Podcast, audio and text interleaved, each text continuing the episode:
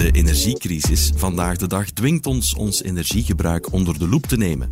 De situatie doet ons ook versneld andere alternatieve bronnen onderzoeken en vooral ook te gebruiken. Want wat wordt onze brandstof in de toekomst? Zullen onze auto's allemaal elektrisch zijn of nemen we onze toevlucht naar waterstof? En meer nog, zal onze auto zelf een energiebron worden? Want dat is pas de toekomst. Ons transport die onze energie eerder opwekt dan verbruikt. Dag luisteraar en welkom bij de Auto van Morgen. Mijn naam is Elias Smekens en ik zit aan het stuur van deze podcast. En vandaag verwelkomen we Chris Meilemans van Hyundai in onze studio en Mark Becker, expert op het vlak van waterstof as a fuel. Welkom heren. Dank u. Dank u. Voor we het over intelligente voertuigen hebben, stellen we onze gasten drie vragen om zo hun autobiografie te schetsen en te weten te komen welke auto's hun leven kenmerken en van welke ze dromen.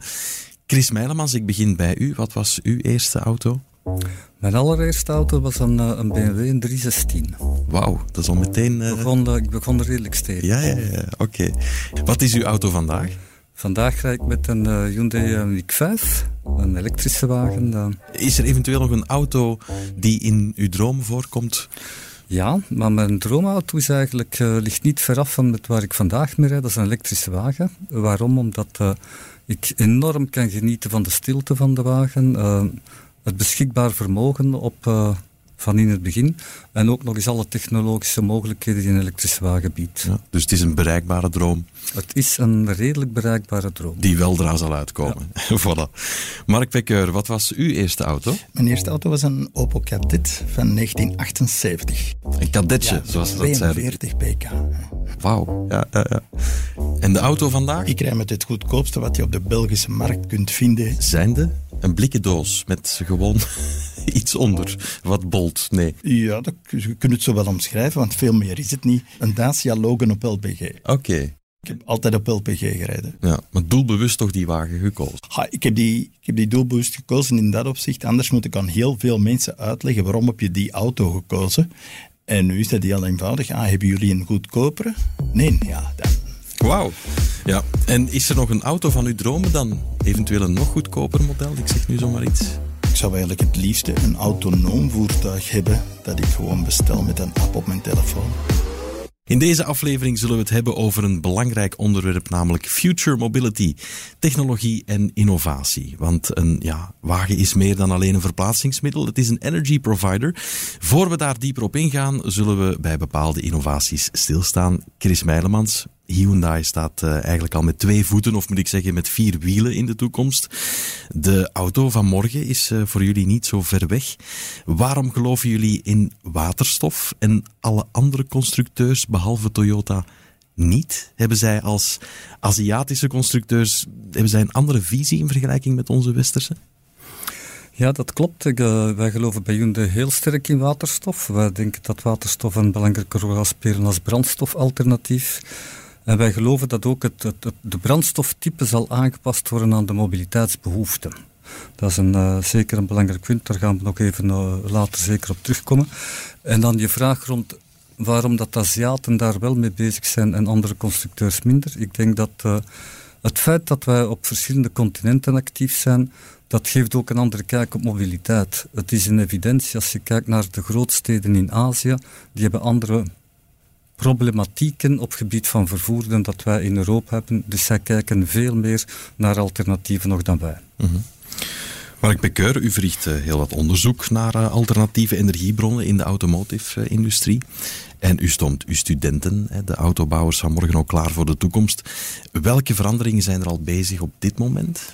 Ik denk dat de, de, twee grote lijnen duidelijk zijn. We zullen gaan voor een uh, nul-emissie. En die nul-emissie die zal komen van oftewel elektrische voertuigen of waterstofvoertuigen. Wij hebben altijd onderzoek gedaan met twee dingen in het achterhoofd. We willen geen emissies, maar we willen ook geen zeldzame materialen.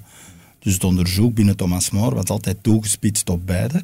Dat wil niet zeggen dat we geen praktische zaken doen. We hebben nu een heel onderzoek afgerond rond de gezondheidstoestand van batterijen. Maar we doen niets fundamenteel aan batterijen zelf. Ja, want waterstof als een brandstof, hoe werkt dit volgens u? Wel, er zijn twee mogelijke principes. Hè. Je hebt de verbrandingsmotor en je hebt de brandstofcel. Brandstofcel is best te vergelijken met een batterij die je niet hoeft te laden. En verbrandingsmotoren zijn er twee types eigenlijk. De klassieke verbrandingsmotor die we kennen. Hè. We zitten ook nog met een start-up bedrijf, Zero, die van die verbrandingsmotoren bouwt. Maar ik zie heel veel in wat men noemt free piston engines. Dat zijn motoren die direct elektriciteit opwekken. Dus eigenlijk een soort staaf waar dan aan beide uiteinden een zuiger zit. Die zuiger beweegt van links naar rechts. En aan die staaf hangt een magneet die direct door een spoel gaat en elektriciteit opwekt. Die motoren hebben geen smeerolie, enkel koelmiddel en zijn dus ook onderhoudsvrij. Wat zijn verder nog de voordelen eigenlijk van uh, waterstof? Wel, ik denk het grote voordeel van waterstof is dat het makkelijker op te slaan is dan elektriciteit. En de evoluties van de laatste maanden tonen ook aan dat nu heel veel grote industriële spelers wel geloven dat waterstof hun enige optie is. En ik denk dat waterstof hetzelfde zal zijn zoals diesel in de jaren 80. Niemand geloofde in personenwagen diesels, totdat de Volkswagen Golf kwam en we tien jaar later meer diesels dan benzine verkochten. En dat zie ik in waterstof ook. Chris Meilemans, gelooft u in het potentieel van de hydrogen car? Zijn er bij Hyundai al uh, dergelijke auto's ontwikkeld? Wij zijn met uh, waterstofwagens eigenlijk al een tiental jaar geleden begonnen. Het allereerste model dat we hadden was een, uh, een iX35. Nu is de nieuwe generatie, dat is eigenlijk de Nexo. En ook uh, met de Nexo hoogsten wij regelmatig successen. We hebben onlangs nog in, in april een tiental wagens geleverd aan het Europees Parlement. Dus daar is zeker, zeker vraag naar. Um, wij willen gaan focussen op waterstof, maar, maar ook niet alleen op wagens, maar ook voor alle mogelijke uh, vervoer van transport, zwaar vervoer, passagiersvervoer. En uh, ons idee is om tegen 2028, wat dat niet meer zo heel ver af is, uiteindelijk de, de eerste constructeur te gaan zijn die dat waterstof aanbiedt op uh, commerciële voertuigen. Waarom commerciële voertuigen? Stuk wat Mark ook zei, dat zijn de meest vervuilende, waar we denken dat we de snelste winst gaan kunnen boeken om daar uh, CO2-neutraal te zijn. Tegen 2030 willen we het waterstof eigenlijk hebben op het, uh, het volledige gamma. En onze doelstelling is vandaar ook een, uh, een waterstofvoertuig aan te bieden aan de vergelijkbare prijzen vandaag van een elektrisch voertuig. Ja. Dat is jullie Hydrogen Waves plan dan? Absoluut, ja. Oké. Ja, Mark, uh, ligt die waterstof as a fuel ook op tafel in een grotere industriële context? Wel, er is een heel groot verschil tussen nu en een jaar geleden. Ik heb een jaar geleden vrij grote consultancy gedaan in de industriële wereld. En waar dat de mensen zeggen, kan hernieuwbare waterstof, kan dat voor ons? Nu, dat kan. Maar dan spreken we over een prijs van 110 tot 150 euro per megawattuur. Op die moment hebben die mensen mij uh, vriendelijk uitgelachen. En die hebben gezegd, wij betalen nu 8 euro per megawattuur voor de gas. Weten dat dat weinig is. 20 is normaal, maar meer dan 60, dan houdt onze business op.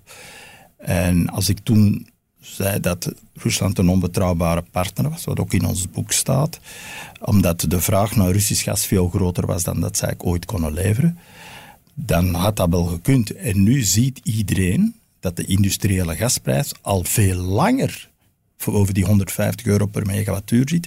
En dat zie je dat heel grote industriële spelers nu ook zien dat dit hun enigste redding is. Dus je, gelooft er echt wel in? Ik ben ervan overtuigd, als ik zie wat dat er gebeurt, dan denk ik dat er geen andere weg is.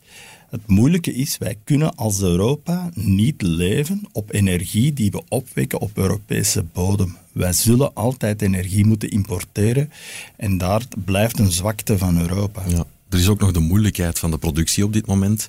Vordert het onderzoek om groene waterstof te produceren? Maar bij Hyundai zijn we daar uh, ook heel sterk naar aan het kijken. We hebben net een, een, een investering gedaan, uh, een partnership met uh, Next Hydrogen Corporation, waar de bedoeling is van dat we effectief waterstof willen produceren um, met, via basis van elektrolyse.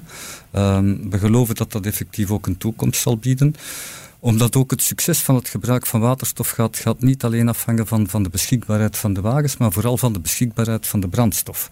Dus we zijn daar dat we enorm ook inzetten op die technologie om die verder te ontwikkelen. Mhm. Jullie uh, ja, uh, werken ook aan alternatieve oplossingen voor, het, uh, voor de logistiek. jullie zijn de eerste, geloof ik, hè, die aan zo'n oplossing werkt bij Hyundai. Ja, we zijn daar al een paar jaar mee bezig, maar vandaag is dat, uh, is dat geen fictie meer, dat is realiteit. Wij hebben uh, een uh, vijftigtal vrachtwagens rijden op waterstof, die dat hoofdzakelijk rijden in Duitsland en in, in Zwitserland. Waarom ook nogmaals uh, eerst met, met het zwaar vervoer, omdat we daar denken dat op gebied van, van, van milieubelasting dat we daar de grootste winst kunnen behalen.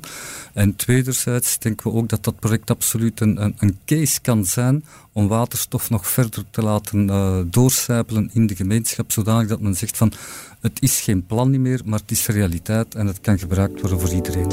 In de auto-industrie heersen er veel clichés. En in het volgende luik van deze podcast tackelen we enkele clichés en stel ik telkens een mythe voor die jullie zullen bevestigen of ontkrachten. Ik vuur hem zo meteen op jullie af en dan hebben jullie drie minuten om die mythe te bestendigen of te verwerpen. Dus hier gaan we.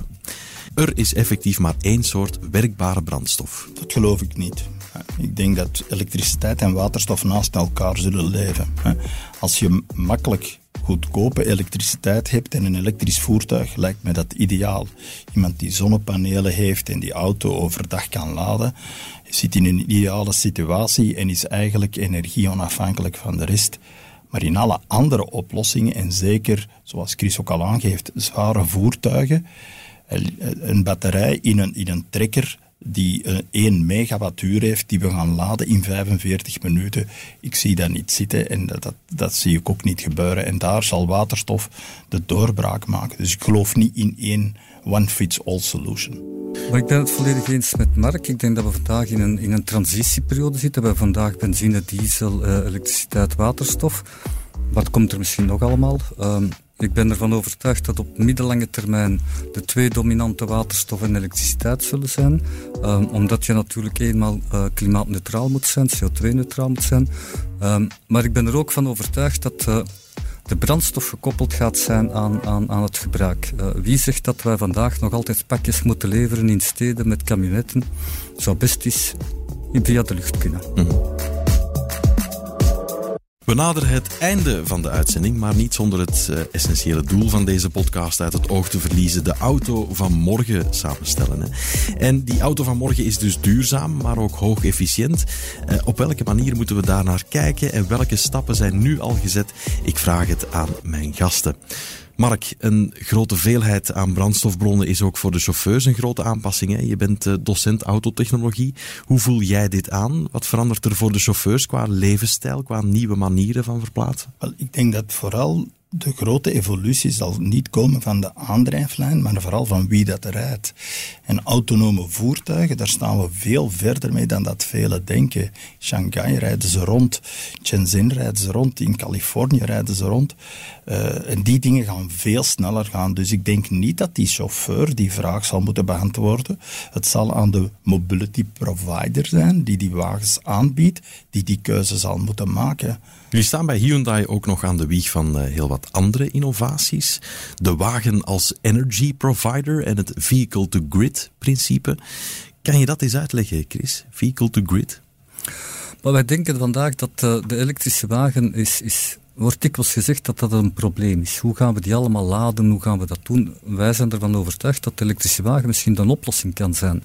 Stel dat je een, uh, een elektrische wagen overdag gaat opladen via zonnepanelen en de batterij s'avonds zou gebruiken als thuisbatterij. Mm -hmm. Dat is ook geen fictie, want er is een project geweest in Utrecht waar dat men een volledige wijk uh, van toch een, een tiental uh, huishoudens heeft laten werken via dat concept. Dat waren 150 Ioniq 5, overdag opgeladen via zonnepanelen. En s'avonds draaiden al die huishoudens op de energie van de batterij. Ongelooflijk, hè? Eigenlijk heb je heel die wijk afgekoppeld van het net. Mm -hmm. En zijn ze zelfstandig. Mm -hmm. Ja, dat is fantastisch natuurlijk. Hè. Uh, ja, Mark, als we breder gaan kijken, er is terecht heel wat op, ophef hè, rond onze energiecrisis op dit moment.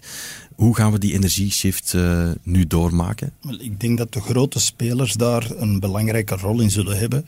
En ook zij die geen andere keuze hebben. Bijvoorbeeld de luchtvaart. De luchtvaart heeft één optie, dat is vloeibare waterstof. Om een idee te geven, een Boeing 747 die van Parijs naar New York vliegt, verbruikt 110 ton brandstof. Als diezelfde vliegt op waterstof, waterstof heeft drie keer de energieinhoud, heeft hij maar een 37 ton nodig. Dus die hebben direct een gewichtsvoordeel. En het zal komen van grote industrieën zoals de luchtvaart, zoals zwaar transport, die eigenlijk die waterstof uh, absoluut nodig hebben en dus ook zullen binnenbrengen in de maatschappij. Oké, heel benieuwd waar het de komende jaren nog uh, naartoe gaat. We zijn aan het einde van onze show en iets dichter bij de auto van morgen. Ik bedank mijn gasten, de experten van vandaag. Chris Meijermans van uh, Hyundai en Mark Bekkeur, onze expert van vandaag. Bent u benieuwd naar de andere thema's? Luister dan zeker naar de andere afleveringen van de auto van morgen via tijd.be. Tot snel.